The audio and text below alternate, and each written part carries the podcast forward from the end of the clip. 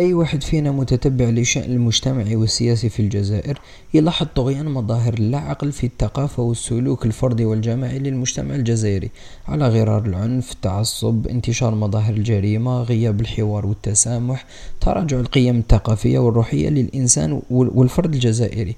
هنا تأتي دور الثقافة ولا دور الفلسفة في في إحياء هذه القيم والتساؤل وطرح الأسئلة ومحاولة فهم فهم ما يحدث داخل المجتمع. لذلك آه، نلاحظ أنه بقي الخطاب الفلسفي في الجزائر بعيدا عن الواقع والتأثير في المحيط الثقافي والأخلاقي للمجتمع. وبعبارة أخرى لماذا لم نستطع حتى اليوم إنتاج فلسفة جزائرية خاصة بنا تستجيب لشروطنا الثقافية والتاريخية والاجتماعية؟ يعني شفنا نجاح لكن آه، والناس كلها تكلمت وكل النخبة الجزائرية تكلمت لكن المختصين بالفلسفة أو الفلاسفة ما شاهدناهمش. غياب تام كلي شبه كلي آه، إن صح التعبير. هنا يمكن أن نتساءل لماذا ولا كيف يمكن أن تفيدنا الفلسفة في حياتنا اليومية الآن؟ أو كيف سيستفيد المواطن البسيط اللي عنده مشاكل اقتصادية ومشاكل اجتماعية من الفلسفة؟ الملاحظة الأولى في الجزائر أنك لما تقول شخص ولا تتكلم له على الفلسفة يقول لك بركة ما تفلسف علينا وراك تهضر في هضرة ما عندها حتى معنى ولا راك تهضر في هضرة راح تكفرنا وراح تجاهلنا وتخرجنا من الدين. المشكلة هو ماشي هذه المقولة خاطئة ولا هذا التصور خاطئ على مستوى المواطن البسيط فقط وإنما كبار المسؤولين في الدولة كانوا يخدموا بنفس الطريقة. على سبيل المثال الوزير الأول السابق عبد الملك سلال قال ذات يوم في شهر أوت 2013 قال أنه لا جدوى ترجى من العلوم الإنسانية العلوم الإنسانية ما عندها حتى فائدة كذلك آه، وزيرة التربية سابقا نوريا بن غبريط خاطبت وزير التعليم العالي في ذاك الوقت وقالت نحن بحاجة إلى مختصين في الرياضيات. بينما أنتم لا تزودوننا إلا بمختصين في الفلسفة.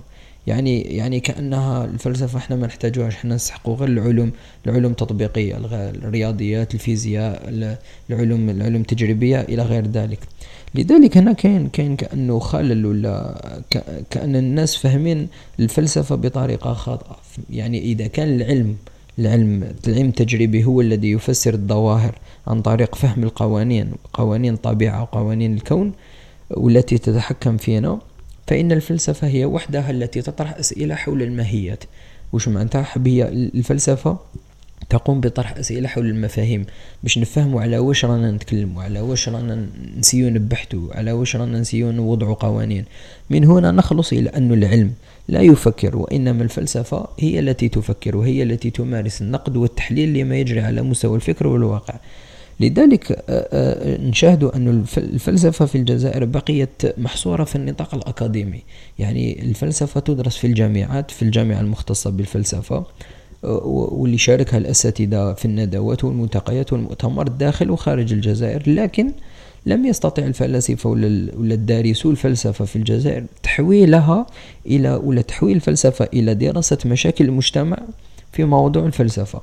يعني وش المعنى هذا اللي حب نقصده؟ أنهم بقاو يتكلموا على أمور تاع بكري تاع آرسطو وافلاطون ويطرحوا في الفلسفات الغربية القديمة. لكن المواطن البسيط ما يهموش هذا الشيء هذا. يهمه هو هو القضايا اللي راهو يعيش فيها. هو راه حاصل في شكاره حليب وحاصل في البوسطة وحاصل كيفاش يدي الصالير تاعو. وانت تجي تتكلم له على أمور خاطئته كامل.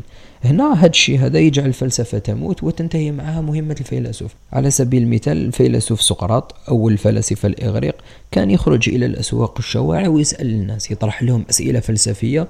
لذلك نشوف أنه كان يطرح على المواطنين البسيطين يعني الخضار الفلاح اللي يبيع التاجر الناس كامل ما بقاش محصور داخل داخل الطبقة الحاكمة ولا ولا داخل الأمراء إلى غير ذلك. لازم لازم الفلسفة في الجزائر تدرس مواضيع مواضيع ولا المشاكل المجتمع الحالية اللي يعاني منها المجت... المواطن البسيط. ماشي تبقى داخل الجامعات وتتكلم في أمور غيبية وأمور قديمة لا علاقة لها بواقع المواطن البسيط. في نفس السياق المتتبع لشأن الفلسفي في الجزائر سواء تشوف ما يدرس في الجامعات في الفلسفة في الجامعات ولا ما يكتبه المهتمين بالفلسفة على مواقع التواصل الاجتماعي ولا في الكتب تدرك أن الخطاب الفلسفي في الجزائر إنما هو فقط شرح أو ترجمة لما ينتجه الفلسفة الغربية من أفكار ونظريات فلسفية. يعني تروح تقرأ تلقاهم يتكلموا على الماركسية الرأسمالية الوجودية العدمية الشخصانية إلى غير ذلك. لذلك أصبحت هذه النظريات قوالب جاهزة. يعني يجيبها لك من هيك يدير لها ترجمة أو ربما ينقص منها أو يزيد لها شوية. وفي وفي أحسن الأحوال هي مجرد طرف فكري وبهرجة نظرية لا غير.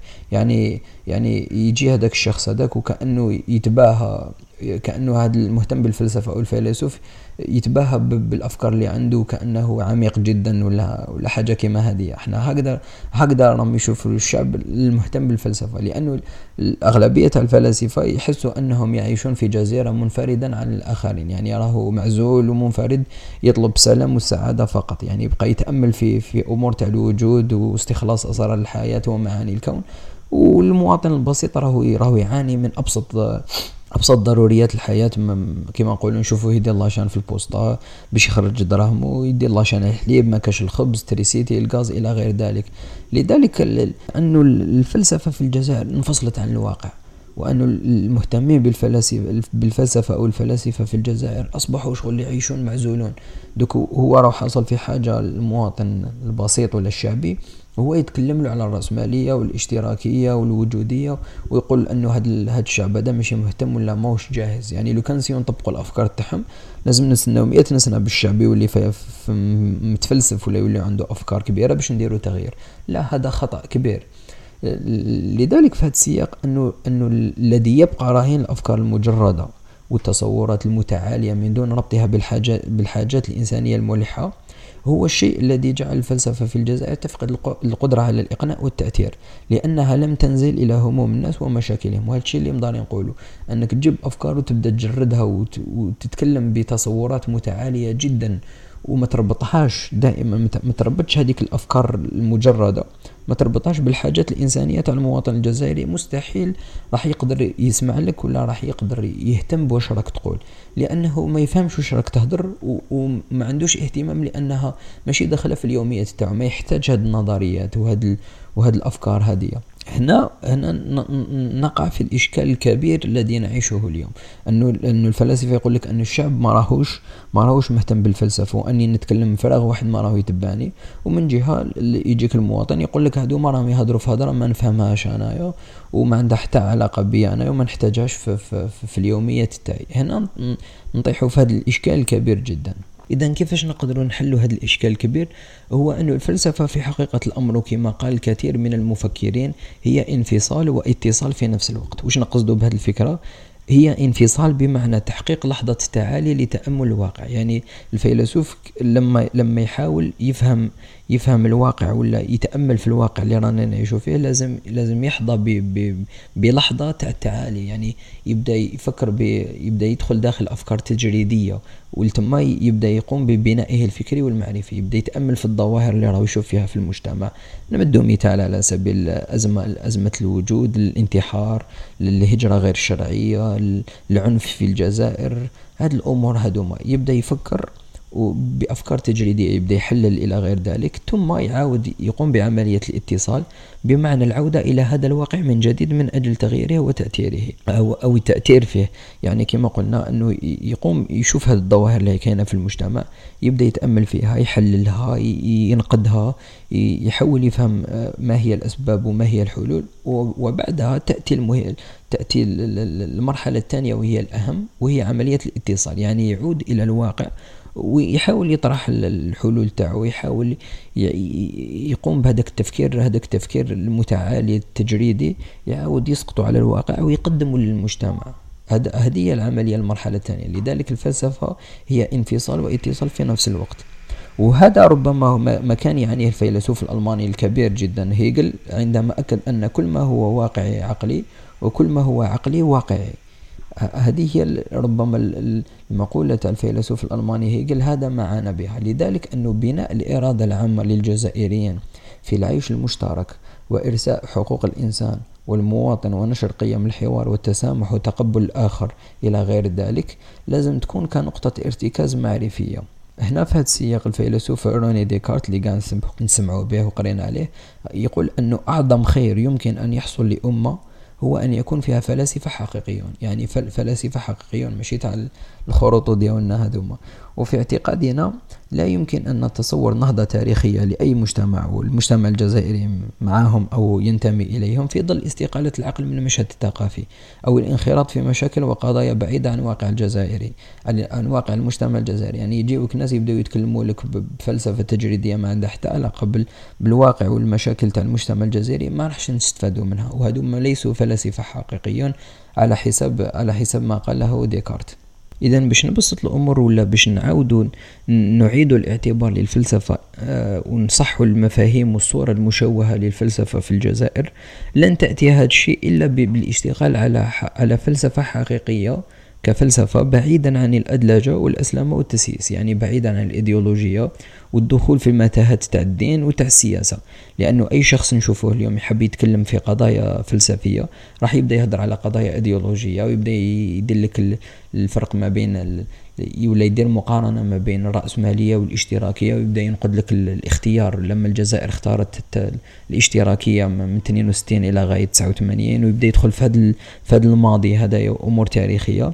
أو يدخل في القضايا تاع الدين ويبدأ يدخل لك الإلحاد والإيمان والتدين والأسلامة والإسلام السياسي إلى غير ذلك. أو أنه يطرح يطرح قضايا ومواقف سياسية و صعبة. يعني المواطن البسيط ما يقدرش يفهمها ولا هو ليس ليست من أولوياته إن صح التعبير. ماشي هذه هي الأولوية. يعني فاتخاذ موقف إيديولوجي أو ديني أو سياسي لا يعني بالضرورة أنه مؤسس فلسفيا. يعني ماشي أي شخص يبدأ يجي يتكلم كلام غير مفهوم حول الإيديولوجيا أو الدين أو السياسة يعني نقولوا عليه هذا فيلسوف. لا الفيلسوف الحقيقي أو أو الفلسفة الحقيقية هي أنها تكون أو أو تدرس أو أو تنقد أو تفكر داخل الواقع الواقع الواقع الإنسان ولا واقع الفرد في مجتمع ما. لذلك إحنا في الجزائر حاليا بحاجة إلى لحظة تأسيسية للعقل يكون فيها العقل قائدا لا مقودا. يعني ماشي ماشي إحنا يلي نجي نقولوا الجزائري ولا العقل الجزائري كيفاش يخمم؟ يعني هذه اللحظة لازم تكون تأسيسية لعصر أنور جزائري متجدر ومنخرط في خصوصيته الثقافية والتاريخية. ما نروحوش نجيبوا أفكار تاع الغرب ولا تاع أوروبا ولا تاع تاع تاع مجتمعات مختلفة علينا ثقافيا ونحاول نطبقوها هنا. حنا سينا نطبقوا الاشتراكية في الجزائر ما نجحت سينا نطبقوا الرأسمالية ما نجحت سينا نطبقوا التيارات هذول الخارجية الوهابية والإخوانية في الجزائر ما نجحتش لذلك كما كنت نقول لازمنا لحظة نأسسوا فيها إلى إلى فكر جزائري عنده خصوصيته الثقافية والتاريخية بعيدا عن القوالب الجاهزة هذه اللي رانا نجيبوا بها من مجتمعات مختلفة كليا عن مجتمعنا الجزائري. إذا باش نمد فكرة عامة ونلخص واش كنت نقول كما العادة هو أنه شخصيا نشوف انه المشكلة تاع الفلسفة في الجزائر تنقسم إلى جزئين. الجزء الأول هو مشكلة فهم لدى الشعب البسيط ولدى كذلك كبار المسؤولين في الدولة أنهم ما يفهموش حقيقة ما هو دور الفلسفة أو ماذا تدرس الفلسفة أو ما هي الفلسفة حقيقة. إحنا دايرين في بالنا انه الفلسفة مجرد كلام هكذا ما عنده حتى معنى وما راحش يفيدنا وما عنده حتى علاقة بالواقع اللي رانا نعيشوا فيه هذه من جهة. من جهة ثانية يا إما هي تدخل يا إما الفلسفة ستؤدي بنا إلى الإلحاد أو أو مهاجمة الدين أو الكفر أو شيء من هذا القبيل. هذه من جهة. من جزء ثاني هو المشكلة لدى المهتمين بالفلسفة أو الفلاسفة أو المفكرين في الجزائر أنهم كأنهم نوعا ما منفصلين عن الواقع. يجيبوا نظريات وأفكار فلسفية غربية أو آه، ليست ليست ليست موجهة نحو مجتمعنا. نحن يسيو يطبقوها علينا حنايا وما يراعيوش الخصوصيات والتاريخ تاع المجتمع الجزائري آه، في هذا السياق. لذلك الحل الوحيد هو أن المختصين والمفكرين والمهتمين بالفلسفة لازم يقوموا بعملية دراسة ونقد للواقع اللي رانا نعيشه فيه إحنا في الجزائر. أنه كما كنا نقولوا أنه الفلسفة الحقيقية كما قال ديكارت هي هي انفصال واتصال. يعني تحكم الواقع ولا المشاكل ولا الظواهر اللي نشوفه فيها في المجتمع الجزائري ويحاول الفيلسوف يفكر فيها ويمحصها وينقدها ويشوف ما هي الأسباب وما هي الحلول ثم يعاود يقوم بعملية الاتصال ويرجع إلى الواقع ويقدم حلول يعني عملية للمواطن البسيط.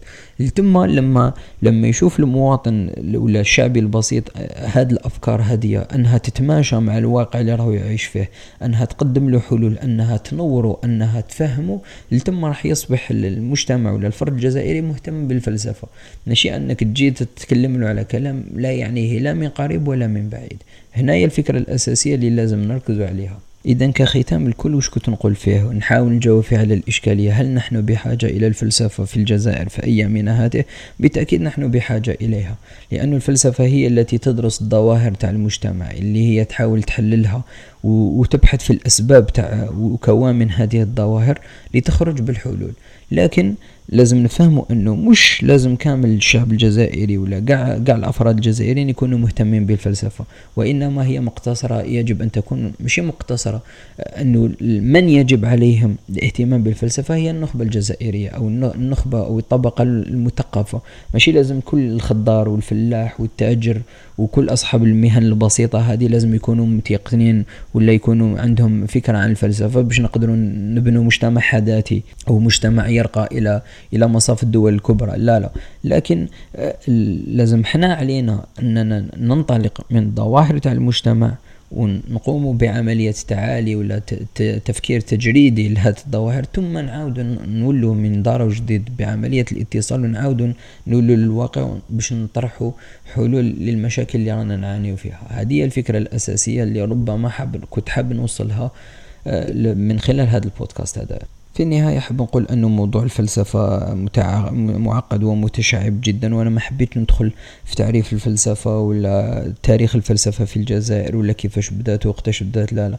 حبيت نطرح بعض الأسئلة ونحاول نجاوب عليها ونصحح بعض المغالطات فقط اللي ربما نشوفوهم هنايا في, في الجزائر ولا ولا النظرة تاع المجتمع الجزائري إلى الفلسفة فقط. وإذا عندك فكرة أخرى أو ربما عندك تصويب أو ربما عندك عندك أشياء أخرى قدر تضيفها اترك لنا يعني تعليق ولا كومنتار ولا ملاحظة وراح نسعد بها كثيرا. ويعطيكم الصحة ونلتقي في البودكاست القادم.